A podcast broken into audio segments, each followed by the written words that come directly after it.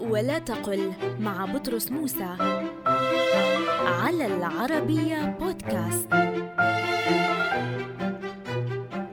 قل هو عالم بذلك وذو علم وعليم به ومتبحر فيه وذو تبحر وخبير به وواسع الاطلاع عليه. ولا تقل له إلمام واسع به بهذا المعنى.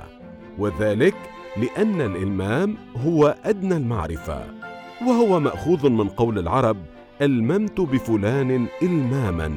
ويقال أيضا ألممت عليه وألم فلان بالذنب أي قاربه.